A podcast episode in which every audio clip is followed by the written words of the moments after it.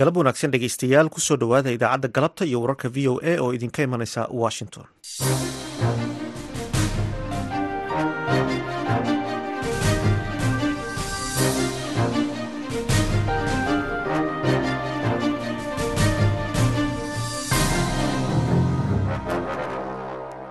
Waa maalin salaaso ah bisha januari ee sanadka kuna waa waxaad naga dhagaysanaysaan mawjadaha gaagaaban ee lix iyo tobanka iyo sagaal iyo tobanka mitirban iyo boggeena internetka ee v o a somaly com.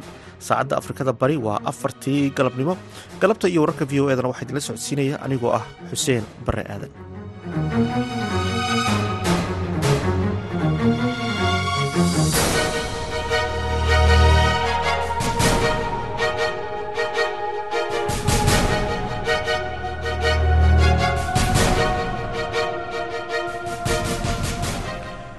qodobada aad ku dhegaysan doontaan idaacadda iyo galabta wararka v o a waxaa ka mid ah booliska somalilan oo ka hadlay shirka laga qabanqaabinayo magaalada laascaanood dadweynaha reer soolla waxaan leenahay nabadgelyada idigaa ku nool qof walba wuu baahan yahay. Nabadda dhulkiinna ilaashada oo ilaaliya ciidamada gaceen ku jira magaaladana gacan ku siiya. Waayo nabaddu waa rag gogashii amniguna waa muhiim. Diinteenna ay noonaysaa oo noogu horraysana al-amnu waliimaan waxaa sidoo kale aan idiin haynaa warbixin ku saabsan shirweynaha culimmada ee maalintii labaad ka socda magaalada muqdisho. Dowladdeennana madaxweyne xasan sheekh maxamuud khayr allah siiye meel walba wuxuu ka sheegaa inay soomaali muslimiin yihiin sunniyiin yihiin madhabtoodana shaafic ay tahay. Marka guulay noo tahay dawladdan idin garab taagan inaad garab istaagtiinaan rabaa. Diyaar muutiino. Inaad dawladda diinta ku garab istaagtiin diyaar muutiino walmacallaahi qodobadaas iyo warar kale ayaan idiin haynaa marka horese waxaad ku soo dhowaataan warkii dunida.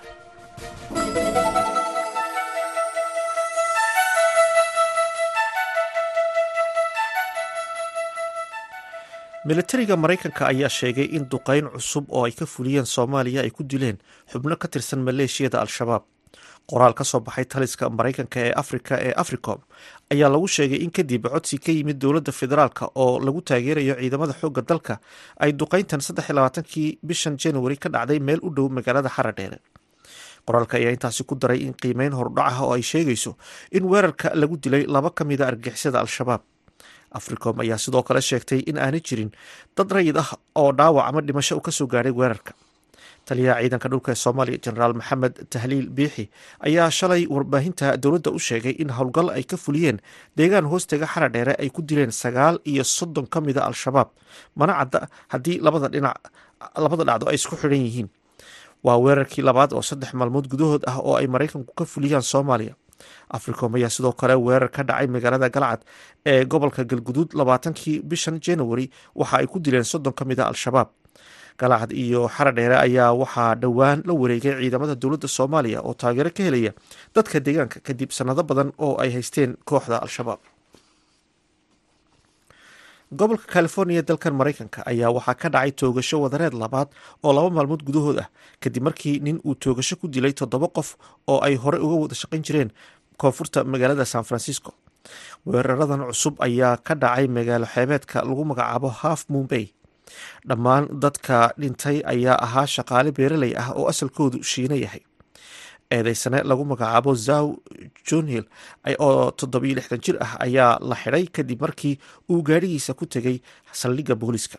Dhacdadan ayaa ku soo beegantay iyada oo gobolku uu baroordiiqayo dhimashada koob iyo toban qof oo ka dhacday degmada montery bark kirlo tomeshenko oo ah kaaliyaha madaxweynaha ukraine volodimir zelenski ayaa gudbiyey iscasilaadiisa ka hor isku shaandhayn la filayo in dowladda ukraine lagu sameeyo. Timoshenko ayaa ahaa ku-xigeenka madaxa xafiiska madaxweynaha wuxuuna u mahad celiyey zelenski in uu siiyey waxa uu ku tilmaamay fursad uu ku sameeyo shaqo uu u qabanayay dalkiisa maalin walba. Timoshenko ayaa waxaa soo wajahday fadeexad la xidhiidha isticmaalka gawaarida qaaliga ah inkastoo uu beeniyey in uu wax khalad a sameeyey zelenski ayaa tilmaamay in saraakiisha kale ee sarsare ay kaga tegi doonaan dowladdiisa maalmaha soo socda. Sarkaal ka tirsan dhaqdhaqaaqa taalibaan ee maamula afghanistan ayaa sheegay in baraf xoog badan oo ka da'ay dalkaasi uu dilay in ka badan boqol iyo labaatan qof.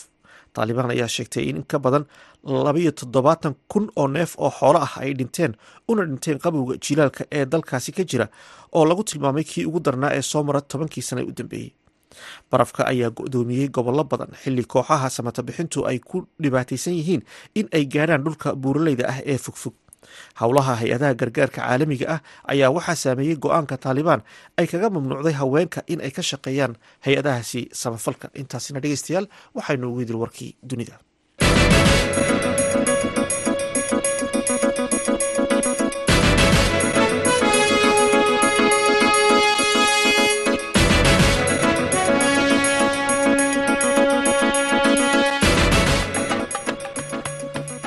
nagala socotaan dhegeystayaal waa af soomaaliga ee v o a. Sidii aad ku maqasheen idaacaddeenii shalay waxaa magaalada laascaanood soo gaadhaya hogaamiyaal dhaqameed ka qaybgalaya shir dhowaan ka dhici doona magaalada. Haddaba taliska guud ee ciidamada militariga somalilan ayaa markii ugu horreysay ka hadlay shirka dhaqanka ee magaalada laascaanood ka furmi doona iyo amniga garaadada ku sugan magaaladaasi. Warkan waxaa hargeysa ka soo diray khadar maxamed cakulle shir jaraa'id oo ay saraakiisha ciidanka militariga somalilan ugu sarreeya qabteen maanta ayay kaga hadleen markii ugu horraysay xaaladda magaalada laascaanood ee xarunta gobolka sool. Iyo shirka dhaqanka ee duubabka iyo isimada gobolkaasi halkaasi uga furmi doona taliyaha guud ee ciidamada militariga somalilan sarreeye gaas nuux ismaaciil taani ayaa ugu horrayn sharaxay imaanshaha garaadada ee magaalada laascaanood amniga garaadada iyo shirka dhaqanka iyo guud ahaanba xaaladda nabadgelyo iyo doorka ciidamada. Waxaan shirkan jaraa'id u qabannay. Saraakiisha halkan ay u qabteen saraakiisha halkan joogta oo ka kooban jananada iyo korneylada ciidamada qaranka iyo booliiska guud ahaan. Inaan halkan ka caddayno in nabadgelyada guud ee ciida magaalada laascaanood ay gacanta ugu jirto ciidamada qaranka jamhuuriyadda somalilan. Waa kow baabuurta garaadada soo dhaweynaysay waxay ahaayeen baabuurtii ciidanka qaranka. Waxaan sidaa u yeelnayna waxay ahayd inay gaadiid cadow nagu ihi aanay soo gelin gobolka. Marka hadalka mumbalka ee la sheegsheegayo waxa weeye oo dadka mubdi ka galay. Gaadiidkaas garaadada soo dhaweynaya waa gaadiidkii ciidanka qaranka ee ma ahayn gaadiid meel kale ka yimid. Horta taa dadku ina ogaadaan baan doonaynaa shirweynaha dhaqanka ee gobolka ka dhici doona cidda nabadgelyadooda sugaysaa waa ciidamada qaranka jamhuuriyadda somalilan ee gobolkan ku sugan. Taliyaha guud ee ciidamada militariga somalilan oo hadalkiisa sii wata isagoo ay hareera fadhiyaan. Kornaylada iyo jenaraalada kala duwan ee ciidamada somalilan ayaa waxa uu tilmaamay in ay ciidamadu hawshooda wadanayaan sida uu sheegay. Hadallada diilqaafka ah ee meelaha laga leeyahay ciidanka qaranku dhiguma dhi doono. Waxaanay wadan doonaan ciidanka qaranku hawshay u xidh saaraayeen. Oo ahaa nabadgelyada qadarka hadday xad ka tahay iyo haddii ka walba iyo gudahaba inay ilaaliyaan. Hawshaydii siday ahayd baan u soconnaa hadallada aan habboonayn lagu hadlay inaan dhigta anagu dhig u dhigi mayno. Dadweynaha reer soolla waxaan leenahay nabadgelyada idigaa ku nool qof walba wuu baahan yahay. Nabadda dhulkiina ilaashada oo ilaaliya ciidamada ku jira magaaladana gacan ku siiya. Waayo nabaddu waa rag gogashii amniguna waa muhiim. Diinteenna ay noonaysaa oo noogu horraysana al-amnu wal-iimaan. Haddaan amni jirin salaada tukan maayo. Meheradi socon mayso. Qofku nabad ku seexan maayo habeenkii gurigiisa. Markaas intaasiba isagu dhacdo. Waxaa ugu horreeya waa nabadda. Nabadgelyadiina ilaashada. Ayaan dadku leehay ciidamadu dee magaalada waxay u soo galeen nabadgelyada inay ilaaliyaan markii horeba bannaankay ka joogeen. Umay soo gelin wax kale laakiin nabadgelyadiina inay ilaaliyaan bay u soo galeen. Marka hawshaa lagu jirana dee khalad wuu dhacayaa mid askarta wax ku tuura iyo mid iyo mid isaga lagu tuuraba khaladka wuu dhacaya. Laakiin khaladkaa dhacaya waxa weeyaan mid lagu sugayo uu nabadgelyadii mid wax kaloo looga jeeda ma ahayn hadduu dhacay. Waxaan mar labaad igu celinayaa nabadda indhaha ku nool. Khadar maxamed cakulle v o a hargeysa magaalada muqdisho waxaa maalintii labaad ka socda shirka culimada soomaaliyeed oo ay isugu yeedhay dowladda soomaaliya loogana wada hadlayo mowqifka culimada ee al-shabaab taageerada dowladda iyo weliba saameynta hay'adda culimada. Warbixintan waxaa inoo soo dirtay saynab abuukar wasiir ku-xigeenka oo qaafta iyo arrimaha diinta soomaaliya xildhibaan saalax shariif cali ayaa sheegay in ujeedada shirkan uu yahay in xal loogu helo dhibaatada ka taagan wadanka shirkan muhiimaddiisa waxaan ka dareemi karnaa xaaladda aan ku sugunnahay shirka maanta waxaan rabnaa haddii ilaahay idma dhibaatada waddankeena haraadisay in lagu xalliyo.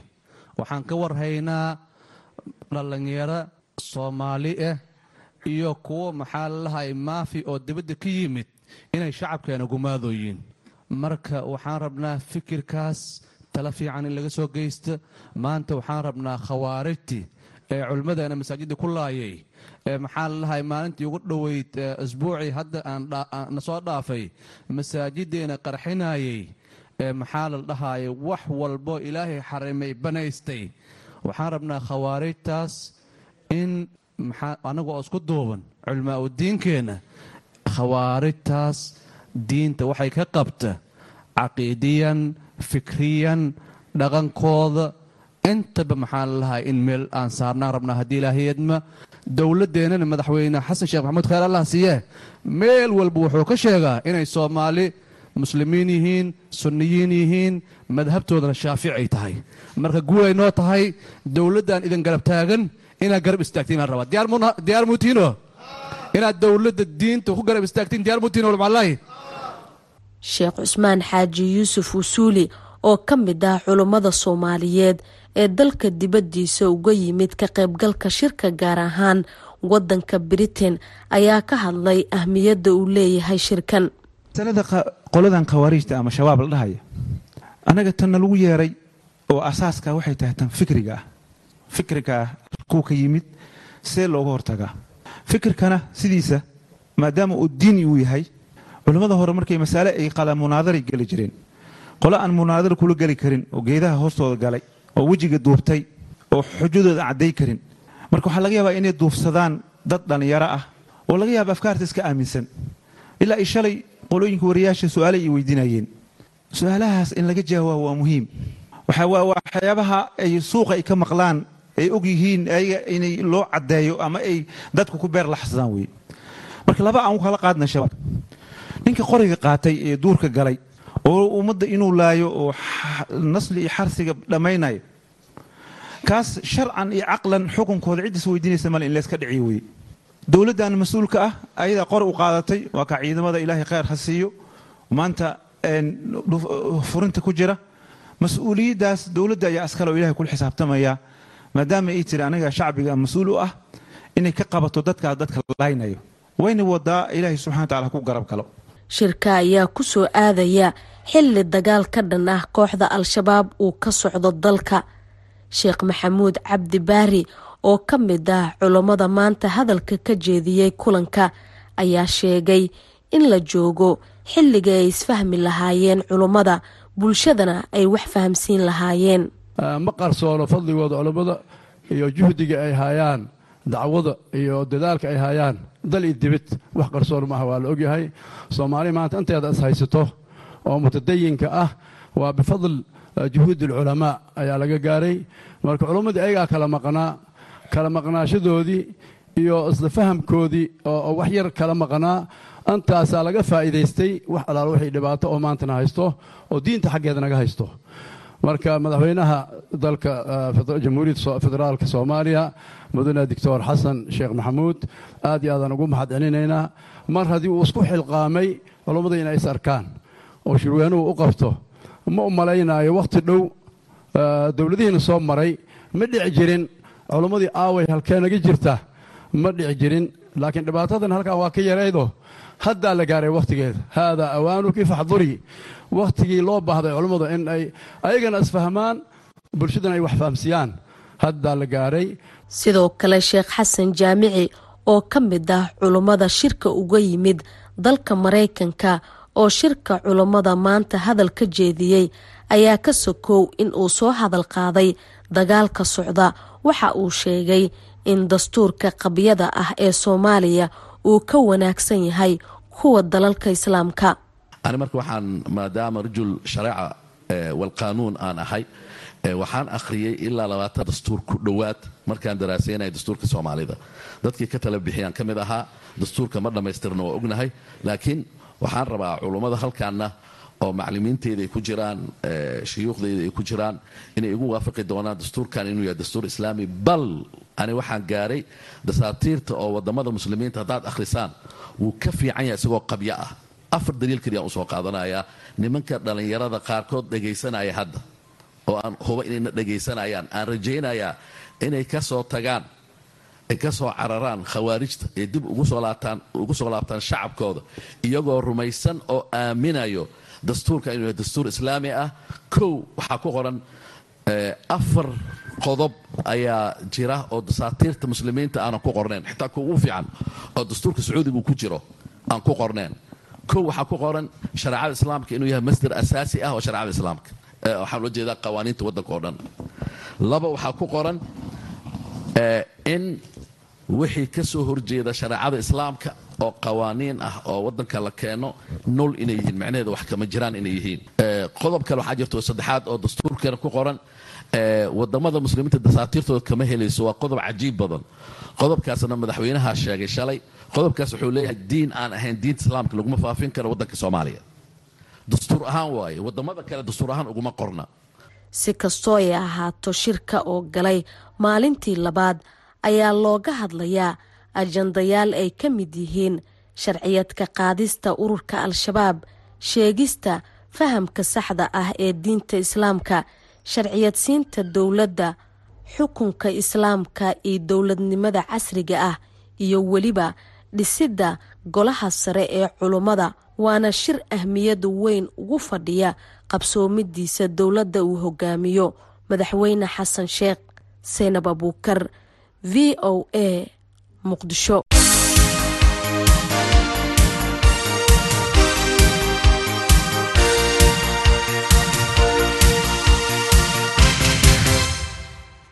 Halkaad weli nagala socotaana waa laanta af soomaaliga idaacadda v o a. Waxaa maanta dekeda magaalada boosaaso lagu qabtay munaasabad uu madaxweynaha puntland siciid cabdulaahi deni uu ku dhagax dhigay dhismaha iyo ballaarinta dekeda boosaaso waxaana mashruucan fulinaya shirkadda d b wold ee laga leeyahay dalka imaaraadka carabta isimada gobolka bari siyaasiyiin waxgarad ah iyo dadka reer puntland ayaa iyo wafdiye ka socda shirkadda d b wold ayaa ka qayb qaatay munaasabadaasi. Wariyaheena v o eda faadimo yaasiin jaamac ayaa warbixintan magaalada boosaaso inooga soo dirtay. Madaxweynaha puntland siciid cabdulaahi deni oo ka hadlayey munaasabadda ayaa sheegay in dhismaha dekedda ama ballaarintu ay tahay ficil dhab ah oo rumoobay islamarkaasna dekedda magaalada boosaaso uu si toosa maanta ugu soo xirtay markabkii siday qalabkii dhismaha dekedda waxaan rajaynayaa dekeddan inay buuxin doonto baahi badan oo loo qiray dhinaca dejinta iyo raridda badeecadaha qaybna ka qaadan doontaa kobaca dhaqaalaha iyo bilicda degaanadeeda oo baahi weyn aan waxaan rajaynayaa ilaahay darkiis hadal badan inuusan noqon ficilkaas inuu noqdo ficil. U faafo dhammaan geyga puntland iyo degaanada soomaaliyeed. Ugaas xasan ugaas yaasiin oo ka mida isimada puntland iyo guddoomiyaha rugta ganacsiga maxamed caydiid jaamac ayaa soo dhoweeyey tallaabada lagu ballaarinayo dekedda magaalada boosaaso. Waxaana ay sheegeen in fursad ay u tahay in ganacsatadu ay si toosa kunteendharrada uga soo dejiyaan. Dekedda boosaaso. Kii ilaa hadda intaa waa la bilaabayabaa lahaa laakiin maanta waa baalin farxadeed. Waxaa u jeednaa alaabtii lagu dhisi lahaa konteyneeradii dadkii dhisi lahaa kulli inay joogaan. Marka maanta si gaara ayaan u soo dhowaynaynaa ilaahayna waxaan ka baryaynaa inay hawshaasu noo hirgasho waxaan is leeyahay cidda maanta ugu mudan inay arrintan ku farxdaa waa ganacsatada. Saad ogtihiin badeecadaheennu markii adduunka ka yimaadaan intooda badan waxaa lagu soo dejin jiray dekado kale sida salaada iyo dubay mar labaad ayaa la soo heli jiray waxaa la keeni jiray dekadda boosaaso halkaas waxaa ka dhalan jiray in sicirka badeecaddu uu kordho inay badeecaddu la kulanto dhibaatooyin badan oo ah ama qoy ama jajab waxa la midka. Ah marka haddii la helo runtii in ay dekedeennu noqoto deked system continuarisa waxaa imanaya markaas in wax badan oo laga badbaado oo ganacsigeena gardaamaynaya shirkadda d b wol oo laga leeyahay dalka imaaraadka carabta ayaa qaadatay qandaraaska lagu ballaarinayo dekedda magaalada boosaaso shanta bisha diseembar sanadka laba kun labaatan iyo saddex ayaa la sheegay in la dhammaystiri doono wejiga koowaad ee dhismaha dekedda boosaaso faadime yaasiin jaamac v o a boosaaso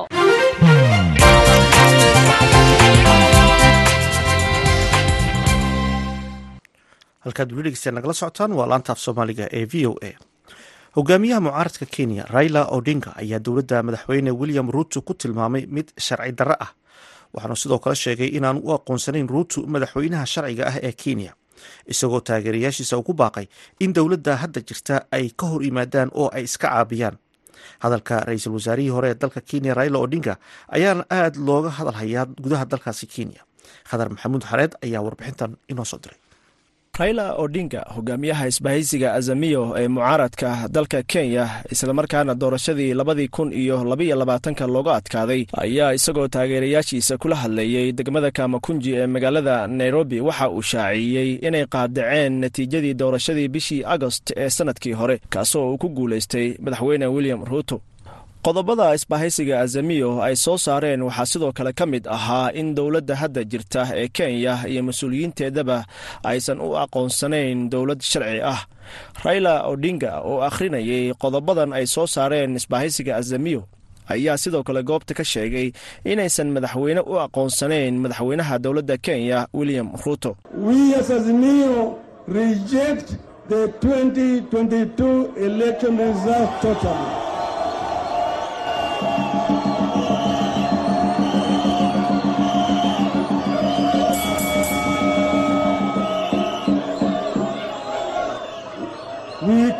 cannot and will not recognize the Kenya Kwanza regime and we consider the Kenya Kwanza government illegitimate.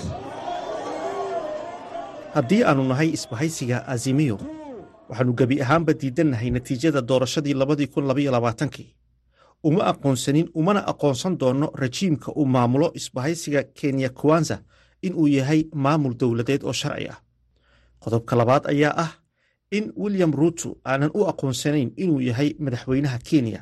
Sidoo kale ma aqoonsanin mas'uul kasta oo uu xil u magacaabay amaba la shaqeeya. Marka saddexaad waxaanu codsanaynaa dhammaan xogta la xidhiidha doorashadii labadii kun labaiyo labaatankii ee ay hayaan guddiga doorashada ee madaxa bannaan in si rasmi ah bulshada loola wadaago. Islamarkaana loo xil saaro guddi dhexdhexaad ah oo madax bannaan oo lagu kalsoonaan karo oo dib u eegis ku sameeya We don't recognize Mr. William Ruto as the president of Kenya. hadalka hogaamiyaha isbahaysiga azamiyo raila odinga ayaa waxaa ka jawaabay madaxweyne william ruuto oo hadalkaasi ku tilmaamay mid ay mucaaradku ku raadinayaan inay ku helaan dowlad wadaag ah balse uusan midaasi ka yeeli doonin hawa watu hakuna kitu wanataka. Hii ni watu wanapanga tu mambo ya nusu mkate, sijui wanatafuta handshake. Mimi nataka niwaambie mapema mchana, my dadkan friends, wax kale ma rabaan. Dadkan waxay raadinayaan dowlad qaybsi. Waxaan rabaa inaan u sheego saaxiibayaan iska ilaawa dowlad qaybsi. Hana dhihina na ma rabno dowlad qaybsi. waan ina aragnaa waana ina naqaanaa. hadalka hogaamiyaha mucaaradka kenya raila odinga ayaa aad looga hadalhayaa guud ahaan dalka kenya waxaana dad badan ay isweydiinayaan tillaabooyinka ka dhalan kara hadalkani iyo sida ay dowladda madaxweyne ruuto ay uga falcelin doonto. Haddaba maxay ka dhigan yihiin qodobadan ay soo saareen isbahaysiga mucaaradka kenya azamiyo ee u hogaamiyo raila odinga? Axmed maxamed mooge oo ka faallooda arrimaha kenya iyo gobolka ayaa sharaxaya. Waxay u eg tahay in uu ka wajahayo caqabad mise bressure eh, mise tixgelin yari dowladda hadda jirta uu hogaamiyo william samoy ruto. Siduu u bartay horaantiiba oo ahayd bahalkii in markii dowladihii hore khilaafaad iyo wax soo kala dhexgalaan in la xishmeeyo dowladda nus laga siiyo la soo dhoweeyo maqaamkiisa la wanaajiyo. Waa dhaqankii hore oo haddii raila omolo odinga uu u soo bartay. Madaxdii ka horreysay madaxweynaha hadda waxay ku tusinaysaa hadallada shalay ka soo yaray marka in uu wajahahayo caqabado iyo breesha ee xagga dowladda hadda jirta. Ah runtii hadalka asaga ah xagga dowlad ahaan waxay ku yeelan doontaa saameyn laba dhinaca in ay isbeddel sameeyaan oo ninkii ra'isul wasaarihii hore soo dhoweeyaan tixgeliyaan dowladda ku soo daraan way suurtogeli kartaa. Waxaa kaloo laakiin suurtogeli kara ayadana madaxweynaha hadda jiro raila william ruto. Waa nin aad u mayal adag oo go'aan adag arrintan ayaa ku soo aadaysa xilli guddoomiyihii hore ee guddiga doorashooyinka kenya wafula jibokati ay su'aalo weydiinayaan guddi ka socda baarlamaanka kenya su'aalahaasoo ku saabsan muranka doorashadii hore iyo qaabkii ay u dhacday natiijadii doorashadii sannadkii hore. Khadar maxamuud xareed v o a nairobi ardayda dugsiyada sare ee xeryaha qaxootiga ee dhadhaab ayaa natiijooyin sare ka keenay imtixaankii qaranka ee dugsiyada sare ee dalka kenya ee la qaaday bishii noofembar ee sannadkii hore. Ardayda qaxootiga ah oo wax ku barta duruufo adag agabka waxbarasho ee ay helaan oo aad u yar ayaa haddana kaalimo wax ku ool ah ka keenay imtixaanadii la qaaday.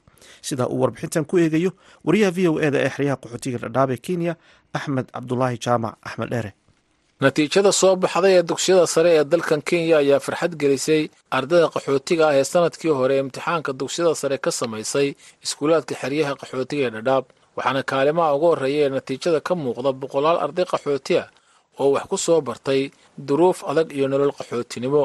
Iskuulaadka geedi ixya jawaar albushra al amiin jaaraajilla iyo kuwo kale oo dhammaantood ah iskuulaad gaar loo leeyahay ayaa ardaydooda waxay heleen natiijooyin wanaagsan faysal geedi maxamed maamulaha iskuulka sare ee geedi ee xerada ifo oo ka mida iskuulaadka ay ardadooda aadka u baaseen ayaa sheegay in ardada iskuulka ka samaysay imtixaanka ay badankoodu heleen natiijooyin u sahlaya inay jaamacad aadaan. Ardada imtixaanka inoo samaysay si guud ahaan waxay ahaayeen saddex boqol soddon iyo kow toban iyo laba arday ee imtixaanka u fadhiisan imtixaan ka maqnaayeen saddex boqol iyo waxaa samaysay imtixaanka toban iyo sagaal afar arday galalka emanes ee keentay aad baan ilaha ugu mahad celinaynaa soddon iyo saddex ardayna waxay keentay galalka loo yaqaano b plus. Lixdan arday sidoo kale waxay heshay b blain siddeetan iyo laba arday waxay keentay b minus. Toddobaatan iyo shan ardayna waxay keentay c plus. Taasoo macne ahaanteeda tahay la isku soo dardaro laba boqol konton iyo afar inay u qalanto jaamacadaha waddanka iyo dibaddaba intaba. Iskuulaadka qaar oo sannadkii ugu horreeyey ama kii labaad ardadooda u fadhiisteen imtixaanka dugsiyada sare ayay ardadu heleen natiijooyin wax ku ool ah. Iskuulka jowhar ee xerada xagardheer oo sannadkii labaad ka qayb galay imtixaanka ayaa ka mida iskuulaadka ardadiisu ay galeen kaalimaha sare sida uu v o eda u sheegay cabdiwahaab xasan maamulaha iskuulka sare ee jowhar sanadkan waxaa ka samaysay boqol sagaashan iyo sagaal arday. Waxaa ugu horreysay saddex arday oo haysatay natiijada a minus. Ardayda haysatay b blaska waa arday ilaa sodomeeyo gaarayso.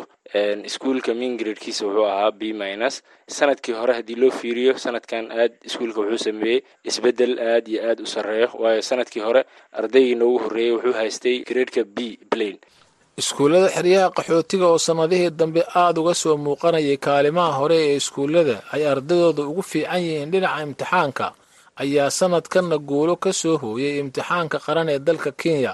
Cali mukhtaar maxamed maamulaha iskuulka sare ee exyaa ee xerada ifo ayaa sheegay in dhammaan ardada u gashay imtixaanka ay keeneen natiijo fiican oo farxad gelisay. Natiijada maanta soo baxda waa aad ayaan ugu faraxsannahay waxaa imtixaanka nagu fadhiisatay laba boqol labaatan arday. Dhammaantood waxay u heleen nasiib inay u fadhiistaan imtixaanka. Wax maqan ma jirin. Arday nagu horreeyey wuxuu keenay buundada a mina kan nagu dambeeyana wuxuu keenay buundada loo yaqaano c mina marka aad iyo aad baan ugu faraxsannahay kalabar in ka badan iskuulaadka sare iyo dhexe ee xeryaha qaxootiga waa kuwo gaar loo leeyahay. Oo ay xeryaha ka hirgeliyeen dhallinyaro wax ku baratay xeryaha qaxootiga albushra waa iskuulkii ugu horreeyey ee gaar loo leeyahay ee laga hirgeliyo xeryaha qaxootiga. Sannadkan ardada ugu badan ayaa ka samaysay imtixaanka dugsiyada sare. Cabdiweli xuseen maxamed maamulaha guud ee iskuulaadka albushra ayaa sheegay in natiijada ay ardadu heleen ay ahayd sannadkan tii ugu fiicnayd intii ay sameynayeen imtixaanka dugsiyada sare. Maasha allah axmed horta aad baan u faraxsannahay xaqiiqatan waxaa noo suubiyey sanadkan saan kuu sheegay laba iskuul baa noo sameysay. Bushra high school iyo ixsaan secondary school. Waa markii koowaad iskuulka ixsaan imtixaan uu noo sameynayo. Waxaa noo sameysay laba boqol iyo soddon iyo shan arday oo ku sameysay bushra iyo boqol iyo konton arday oo ku sameysay saddex boqol iyo shan arday oo noo sameeyey imtixaanka qaran u fariistay. Ardaydaas noo sameysay waxaan dhihi karnaa waa sanadihii noogu fiicnaaba sanadkan ka mid yahay. B plus waxaa noo keenay afartan iyo saddex arday b plane waxaa noo keenay toddobaatan iyo kow arday b minus waxaa noo keenay sagaashan iyo laba arday c plus waxaa noo keenay siddeetan iyo toddoba arday c plane waxaa noo keenay konton iyo toddoba arday c minus waxaa noo keenay toddoba arday. Performance noocaas kale marka la fiiriyo in taqriiban laba boqol iyo meeshii saddex boqol iyo siddeetan arday ay ka ahaayeen in laba boqol iyo siddeetan ilaa saddex boqol tiro ku dhow ay c plus ay ka sarreeyaan oo jaamacada ay u qalmaan. Waa max aada u sarreysa. Jaamacadda waddanka c plus baa lagu qaataa. Saddex boqol iyo ziyaado arday baa ka sarreysa c plus oo intii lagu qaadanayay jaamacadaha ah. Qaar ka tirsan ardada kaalimaha ugu horreeya ka galay imtixaanka qaran ee iskuulaadka xeryaha qaxootiga ayaa sheegay inay aada ugu farxeen natiijadii ka soo baxday imtixaankii ay galeen. Magacayga waxaa la dhahaa cabdulaahi maxamed maxamuud waxaan ka sameeyey imtixaankayga qaranka wixii high school gareedka a minusaan keenay. Farxaddii lama soo koobi karo. Waxaa mahadda farxaddeeda mahaddeeda waxaa leh ilaahay koowaad waxaa leh ilaahay. Ilaahay aan ku mahadinaynaa ilaahayga i siiyey gareedkan wanaagsan. Tan labaad macalimiinteeda oo dadaal badan iyo juhdi badan igu bixiyeen. Midda saddexaadna waxaan waxaan u mahad celinayaa waalidiinteeda oo ka dambeeyey inaan heerkan maanta imaado magacayga waa cabdulaahi xasan cali iskuulkan gedi secondary school ayaan ku qaatay muddadii ahayd afar sano oo waxbarasho ah alxamdulilah maantana dareenkeyda aad buu u wanaagsan yahay farxaddeeda waa meesha ugu dambeysay joogtaa maasha allah waxaan helay dhibac oo u dhigmato toddobaatan iyo shan oo lagu yeerado afka qalaad ee minus. Axmed cabdulaahi jaamac v o a xeryaha dhadhaab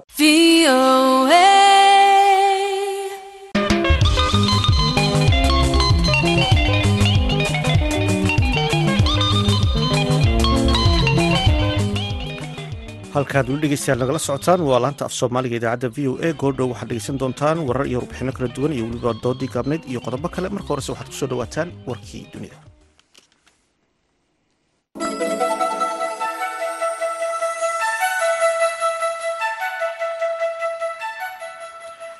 Militariga maraykanka ayaa sheegay in duqeyn cusub oo ay ka fuliyeen soomaaliya ay ku dileen xubno ka tirsan maleeshiyada kooxda al-shabaab qoraal ka soo baxay taliska maraykanka ee africom ayaa lagu sheegay in kadib codsi ka yimid dowladda federaalk oo lagu taageerayo ciidamada xoogga dalka ay duqeyntan saddexiylabaatankii bishan januari ka dhacday meel u dhow magaalada xaradheere qoraalka ayaa intaasi ku daray in qiimeyn hordhac ah oo ay sheegayso in weerarka lagu dilay laba ka mid a argagixisada al-shabaab africom ayaa sidoo kale sheegtay inaanay jirin rayid dhaawac ah ama dhimasho ay ka soo gaadhay. Taliyaha ciidanka dhulka soomaaliya genaraal maxamed tahliil biixi ayaa shalay warbaahinta dowladda u sheegay in howlgal ay ka fuliyeen deegaan hoostega xaradheere ay ku dileen sagaal iyo soddon ka mid a kooxda al-shabaab mana cadda haddii labadan dhacdo ay xidhiidh leeyihiin. Waa weerarkii labaad oo saddex maalmood gudahood ah ay maraykanku ka fuliyaan soomaaliya gobolka california ee dalkan maraykanka ayaa waxaa ka dhacay toogasho wadareed labaad maalmo gudahood kadib markii nin uu toogasho ku dilay toddoba qof oo ay hore u wada shaqayn jireen koonfurta magaalada san francisco.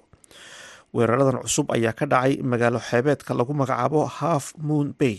Dhammaan dadka dhintay ayaa ahaa shaqaale beeraley ah oo asalkoodu shiinaha ka soo jeedo eedeysane lagu magacaabo zaw junli oo toddoba iyo lixdan jir ah ayaa la xidhay kadib markii uu gaarigiisa ku tegay saldhigga booliska dhacdadan ayaa ku soo beegantay iyada oo gobolkaasi uu baroordiiq ku jiro taasoo loo baroordiiqayo dhimashada koob iyo toban qof oo ka dhacday magaalada montereburg kerlo tumshenko oo ah kaaliyaha madaxweynaha ukraine volodimir zelenski ayaa gudbiyey iscasilaadiisa ka hor isku shaandhayn la filayo in ay dowladda ukraine lagu sameeyo. Timoshenko ayaa ahaa ku-xigeenka madaxa xafiiska madaxweynaha. Wuxuuna u mahad celiyey madaxweyne zelenski in uu siiyey fursad uu ku sameeyo shaqo uu u qabanayay dalkiisa oo wanaagsan maalin kasta timoshenko ayaa waxa uu soo wajahday fadeexad la xiriirta isticmaalka gawaari qaali ah inkastoo uu beeniyey in uu wax khalad ah isagu uu sameeyey.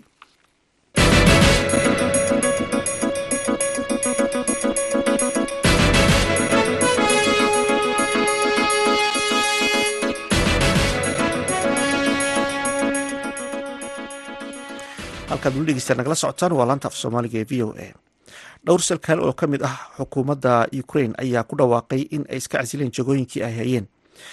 Arrintaasi oo lagu dhawaaqay salaasada maanta iyadoo madaxweynaha waddankaasi volodimir zelenski uu sheegay inuu wax kabedel ku samayn doono dowladdiisa. Warbixin arrintaasi ku saabsan oo ay qortay v o a waxaa inoo soo jeedinaysaa saare cabdi axmed wasiir ku-xigeenka difaaca vyacheslov shabavolf oo isagu mas'uul ka ahaa taageerada saadka ee ciidamada ukraine ayaa iska casilay xilkaasi isaga oo soo xigtay fadeexad la xiriirta iibinta cuntada oo uu diiday. Ku-xigeenka dacwad oogaha guud iyo sidoo kaleeto ku-xigeenka madaxa xafiiska saleski ayaa sidoo kale ayaguna iska casilay xilalkooda iyaga oo aanan sheegin sababaha ay uga baxeen dowladda wakhtigan waxaan horeyba u jirta ayay yidhaahdeen go'aamo shaqaale qaar maanta ah iyo qaar la jaray iyo qaar berri ah oo ku saabsan mas'uuliyiinta heerarka kala duwan ee wasaaradaha iyo hay'adaha kale ee dowladda dhexe iyo sidoo kale gobollada iyo fulinta sharciga.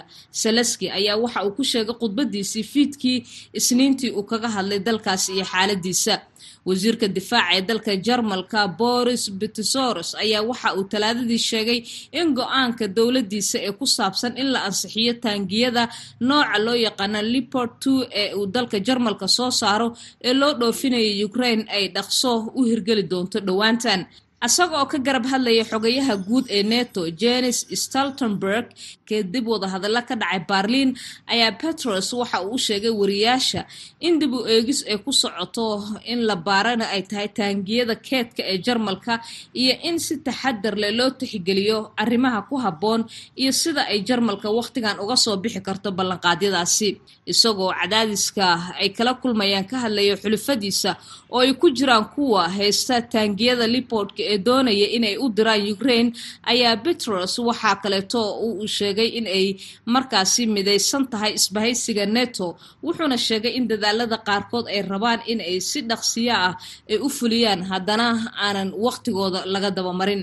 Staltenberg ayaa waxa uu sheegay in wadaatashiga xulufada ee arrimaha taangiyada ay sii socon doonto ilaa iyo inta xal laga gaaraya arrinta waxaa sidoo kaleeto uu soo dhoweeyey fariinta jarmalka u dirayo xulufada ee ah in haddii ay haystaan taangiyada liboodka ay noqon doonaan in ay diyaariyaan oo ay tababaraan ciidamada ukraine si ay markaasi u isticmaalaan waddankaasina uu isaga difaaco weerarka ruushka.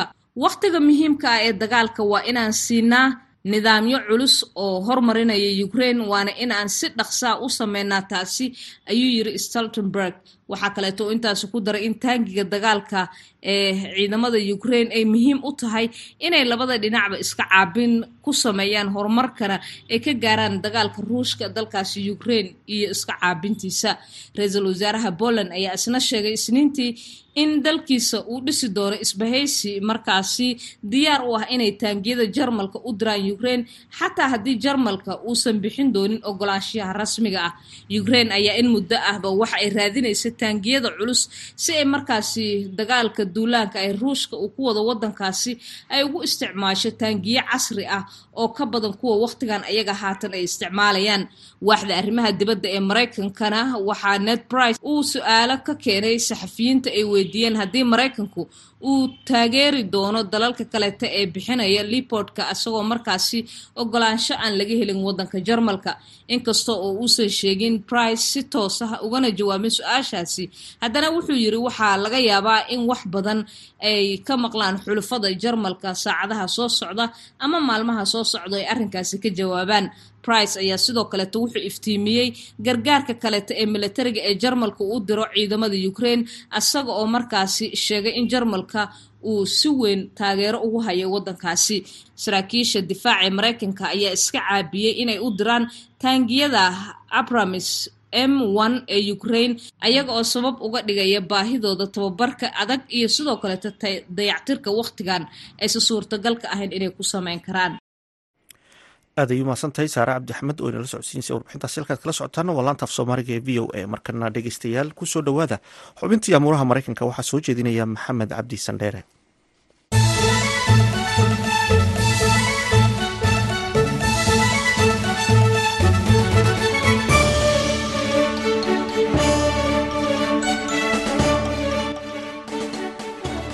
Kulanti wanaagsan dhegeystayaal kuna soo dhowaada barnaamijkii amuuraha maraykanka wasaaradda arrimaha dibadda ee maraykanka oo kaashanaysa ta caafimaadka iyo adeega bulshada ayaa khamiistii toddobaadkan soo bandhigtay barnaamij ay ku magacowday welcome corps oo looga gol leeyahay in muwaadiniinta maraykanku ay damaanad qaadaan qaxootiga dalka dibaddiisa ka imanaya.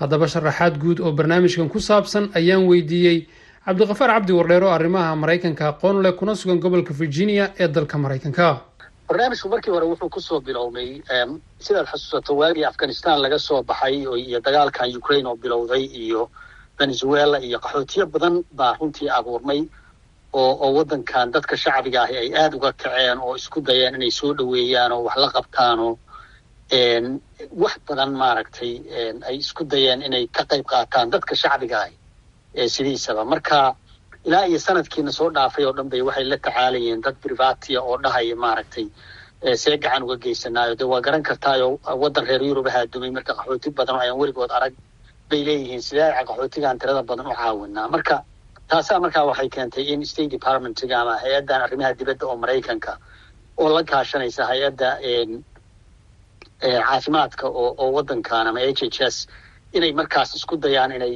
dadkii privatiga ahaa inay involve gareeyaan ama ay ka qayb geliyaan arrintaas. Taasaa horta markii hore sal u ahayd. Marka hadda khamiistiina soo dhaaftay unbay waxay ku dhawaaqeen in markaa la keenayo ilaa iyo shan kun oo qaxooti a la keenayo oo ay rabaan in toban kun oo qof ay ka qayb qaataan soo dhaweyntooda iyo maaragtay dejintooda. Marka saas weeye asalkiisu.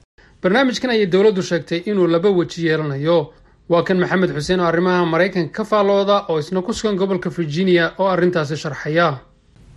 Waa runta maxamed waa mahadsan tahay barnaamijka horta waa barnaamij cusub oo yani waa pilot project hadda la tijaabina wejiga koobaad wuxuu ku saabsan yahay horta dad diyaarsan oo qaxootigoodii waxoodii mar hore la process gareeyey oo aan dhihi karo waa dad iska falayyaal dad falay sugaya in la soo qaado oo hay'adda qaxootiga iyo dowladda maraykan mar hore ka wada shaqeeyeen oo faylkooda wasaaradda arrimaha dibadda loo gudbiyey mar hore oo waxooda processkooda loo dhameeyey. In lagu bilaabo dadkaas waa faceka koobaad oo dadkaasna intooda badan waa dad fali waa dad falight sugaya in la soo qaaday sugayaan marka dowladda waxay damacday in dadka citizenka ah dadka waddankan u dhashay ee awoodi karo inay dad sponsor gareeyaan rabo inay dad sponsor gareeyaan in markaas loo fasaxo oo dadkaas qaxootiga la soo qaada ayagu ay dibadi dib dib u dejin u sameeyaan. Meeshii la rabo dowladda inay u sameyso markii hore. Marka dadkaas ayaa lagu bilaabi doonaa. Dadkaas waa sida la sheegay waa gaara ilaa shan kun.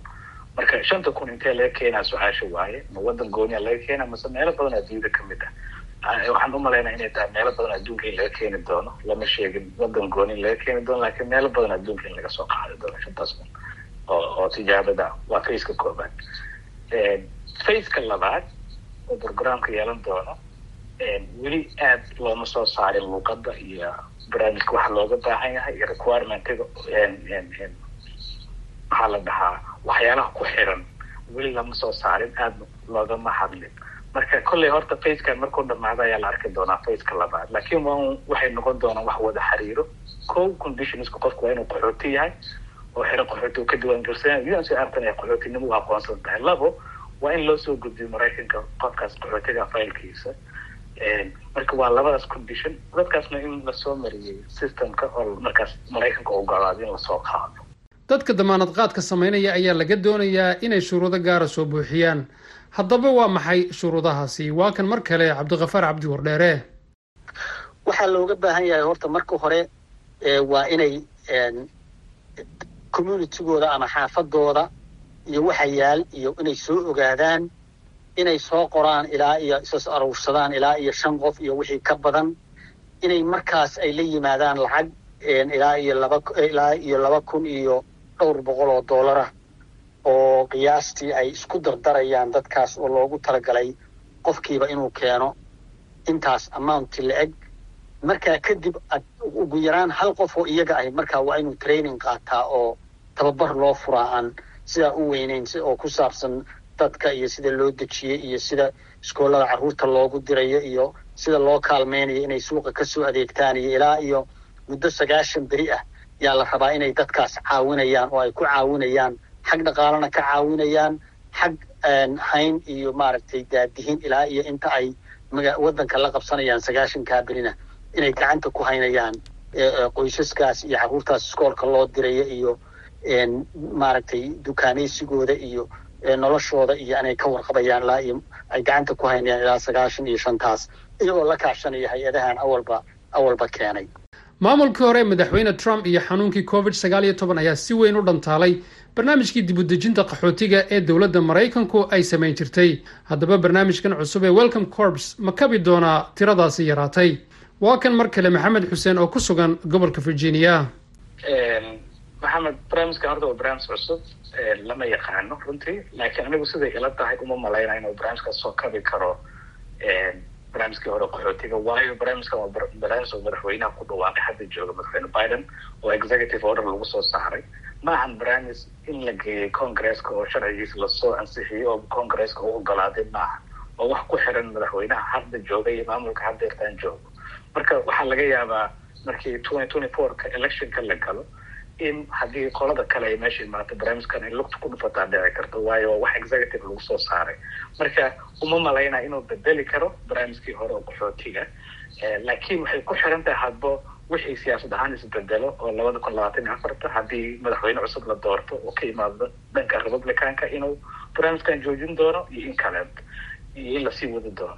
Haddii xitaa dhanka dimuqraadiga madaxweyne cusub oo ka soo baxo madaxweyne biden aan ahayn waxaa laga yaaba ajende kale oo gooni inuu la imaado barnaamijkan markaas laiska hakiyaaba dhici kartaba marka waa wax macquul inuu sii socdo labada kun labaatan iyo afarta waana wax macquul in la joojiyo. Hadba waxay ku xiran tahay maamulka markaas meesha yimaado waayo barnaamijka lagama soo ansixinin congresska waa madaxweyne madaxweynaha executive orderkiisa lagu soo saaray marka waa wax madaxweynaha marka hadda taagan madaxweyne madaxweyne biden iyo maamulkiisa ku xiran. Marka inuu sii soconayo idinka waxay ku xiran tahay hadba dadka siyaasadda oo meesha la wareega laba labada kun labaatan iyo afarta. Laakiin inuu bedeli karo baacad ahaan barnaamijkii qaxootiga weynay uma malayna inuu kaas mid oo uu bedeli karo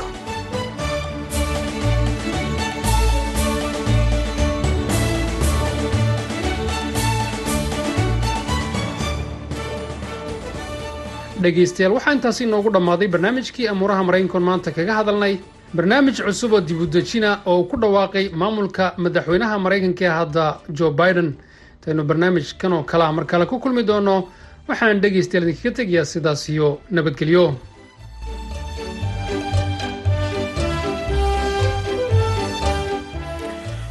haatan aad uu mahadsan yahay maxamed cabdi sandheere oo inala socodsiinayey barnaamijkaasi amuuraha maraykanka halkaad kala socotaana waa laanta af soomaaliga v o a markana waxaad ku soo dhawaataan doodii gaabnayd waxaa inala socodsiinaya yaasiin ciise wardheere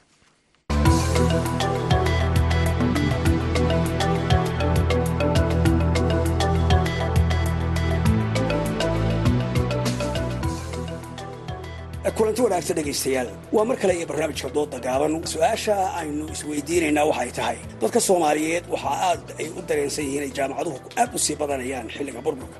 Waxaa loo baahan yahay in jaamacadaha la sii badiyo si markaasi dad aqoon leh oo badan loo soo saaro mise in la xoojiyo iskuulaadka farsamada oo markaasi dadkii ay helaan xirfad ay ku shaqaystaan. Waa mawduuca dooda gaaban ay ku saabsan tahay waxaa igala qaybgelaya dr. Xasan faarax shirwac iyo aadan maxamed xasan oo aadan yare loo yaqaan. Labadu waxay joogaan magaalada nairobi. Waxaan ku bilaabayaa dr xasan faarax shirwac. Bilxaqiiqa run ahaantii sidii markii ay burburtay dowladda soomaaliya waxbarashadii waa burburtay. Adigu muddo hadda labaataneeyo sano ah laga joogo waxaa bilowday jaamacado fara badan in laga furo dalka gudihiisii. Jaamacadahaas iyaga ah haddii ilaahay kuu roon yahay waxay u baahan yihiin quality control iyo macalimiin fiican oo profesora oo wax ka dhigo.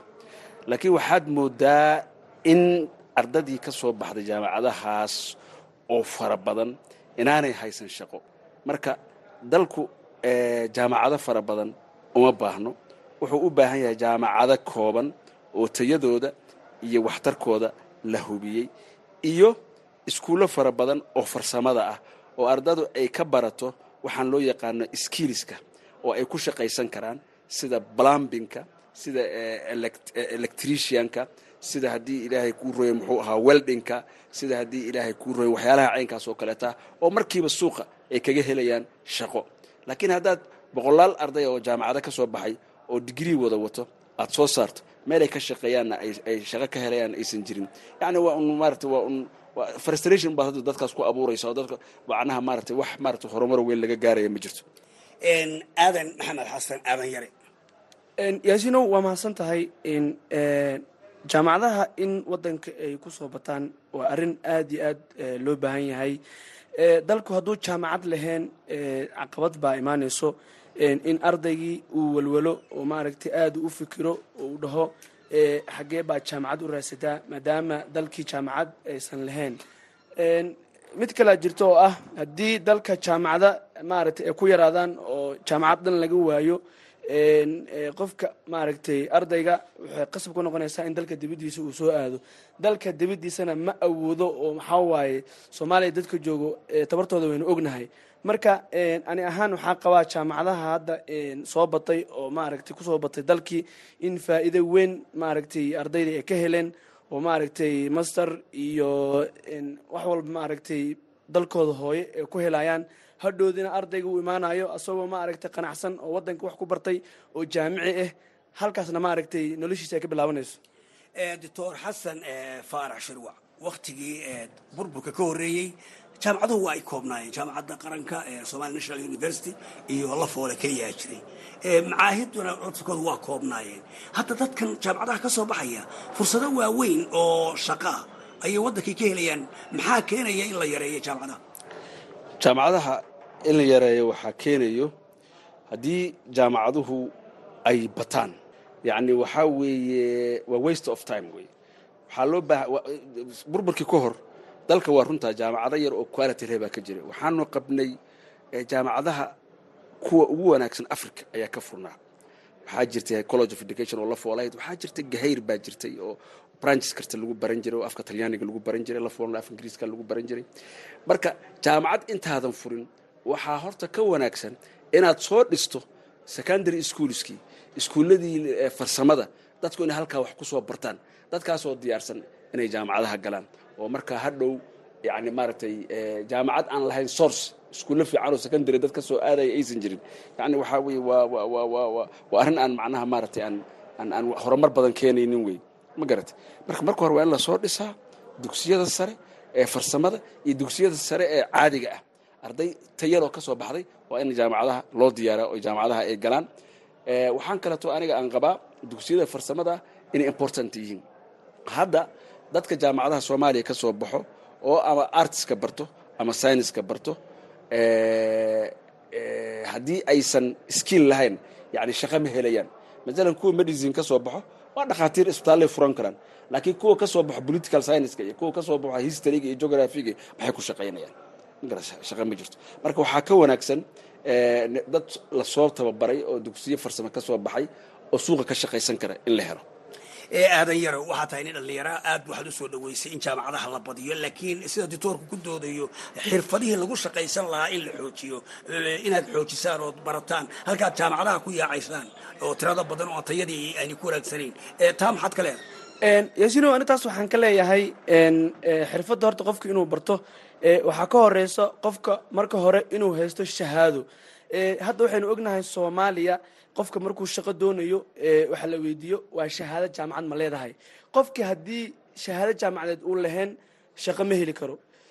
Marka jaamacadaha inay waddan ku soo bataan waxay ardayda ka saaciideynayaan maanta qofkii asagoo waddanka joogo markuu shahaado maaragtay master oo haysto ama dibloma haysto in shaqadii ay u fududaanayso oo maaragtay waxyaabihii laga rabay ay ka mid tahay shahaadadaasi oo maaragtay jaamacadda ay siinayso daladaha waxbarashadana aad iyo aad ay umahadsan yihiin in jaamacadaha ay maaragtay ay badiyaan because waxaa imaanaya meesha ardayga inuu kalsooni helo oo maaragtay maanta haddii la yidhaahdo war maxaa haysataa inuu ku faani karo inuu shahaado haysto oo jaamacad hebel ka soo baxay oo jaamacaddina waddanka ay ku taallo.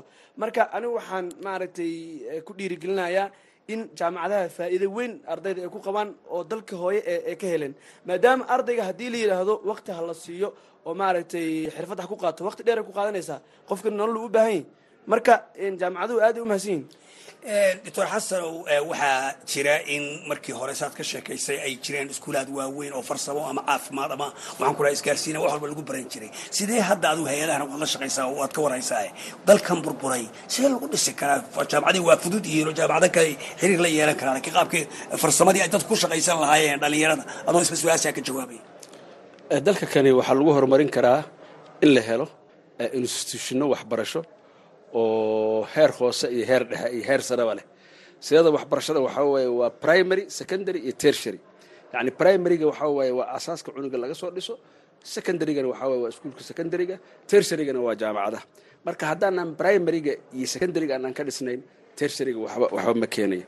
Marka aniga waxaan qabaa in macnaha waddanka kan la xoojiyo secondary schoolska kuwa farsamada iyo kuwa caadiga ah.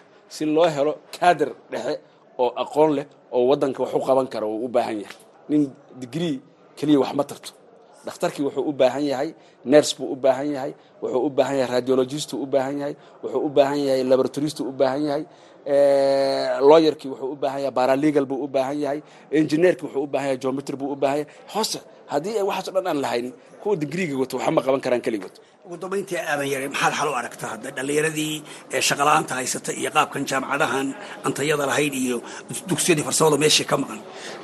Yaasina waa mahadsan tahay aniga halka aan u arko in waxaa weeye in jaamacadaha tayadooda ay wanaajiyaan oo maaragtay ardayda dismoraal ay ka dhigin oo hadda tayadoodu aad u wanaagsan tahay inay sii xoojiyaan si ardaygu u noqdo arday maaragtay tayo leh oo jaamacaddii dalka ka soo baxay oo hadhoodina anfici kara waddankii. Marka jaamacadaha midda aan aan ku dhiirigelinayo waxay tahay in tayada ardayga ay ku dadaalaan oo maaragtay ay ka dhigaan ardaygaasi arday tayo wanaagsan leh oo waddankii wax ku bartay oo hadhowna la aamini karo ilen qofkii wadankii maarata wax ku bartay jaamacadu waddanka ka dhameeyey waxaa leeyahay jaamacad jaamacad ka soo baxay. Hadhowdi wuxuu noqonaya qof hogaamiye eh ama ma aragtay wadankii uu ku faani karo. Marka anigu halkan u arka jaamacadaha waxaa weeye tayadooda inay hagaajiyaan ardaygana ay ka fikiraan dhahaan maaragtay ardaygan ha noqdo arday tayo leh oo waddankana wax u tara aad ayaad kuwaas waxay ahayd doctor xasan faarax shirwac iyo aadan maxamed xasan oo aadan yare loo yaqaan. Labadu waxay joogaan magaalada nairobi. Doodii gaalo inta ay noo joogto intaynu mar kale hawada ku kulmi doono. Haddii ilahay raalli ka sidaa iyo nabadgelyo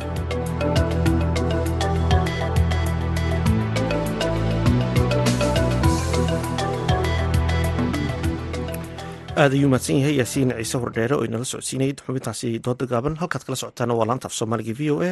Markana aynu ku wadansanno mid ka mid a heesahan idinku talagalnay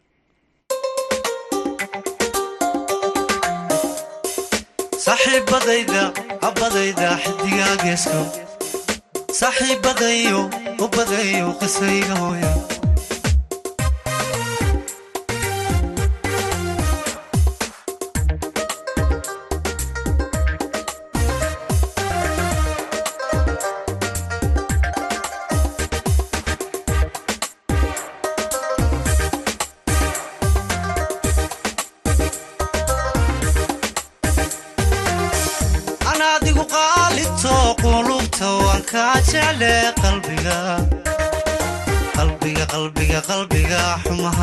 qaban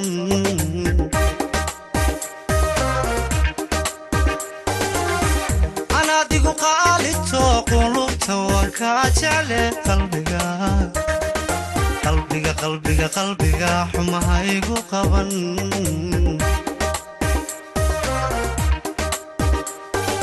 naftana naftana waad qaadato adaa qafusho xidhe jacaylka dhammo qorqore macal amali qorqore jacaylka dhammo qorqore macal amali qorqore naftana hawaad qaadato adaa qafusho xidhe jacaylka dhammo qorqore macal amali qorqore jacaylka dhammo qorqore macal amali qorqore ajirkaygaad qaybto aqareynigu jirate qoyskii jira baynune qardhaa qardhaas caashaqa oo xidho alla jidhkaygaad qaybto adigu jiraate qoyskii jannadaynu nee qardhaas xaashaqa u xidho.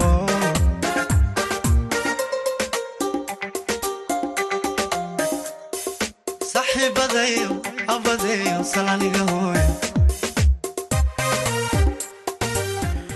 heeskaasi ayaan ku soo gabagabaynaynaa baahinteen idaacadeed oo si toosa idiinka imanaysay laanta af soomaaliga ee v o a. Tan iyo kulanti dambe waa dhammaan bahda laanta af soomaaliga v o a odnle sidaas iyo nabadgelyo.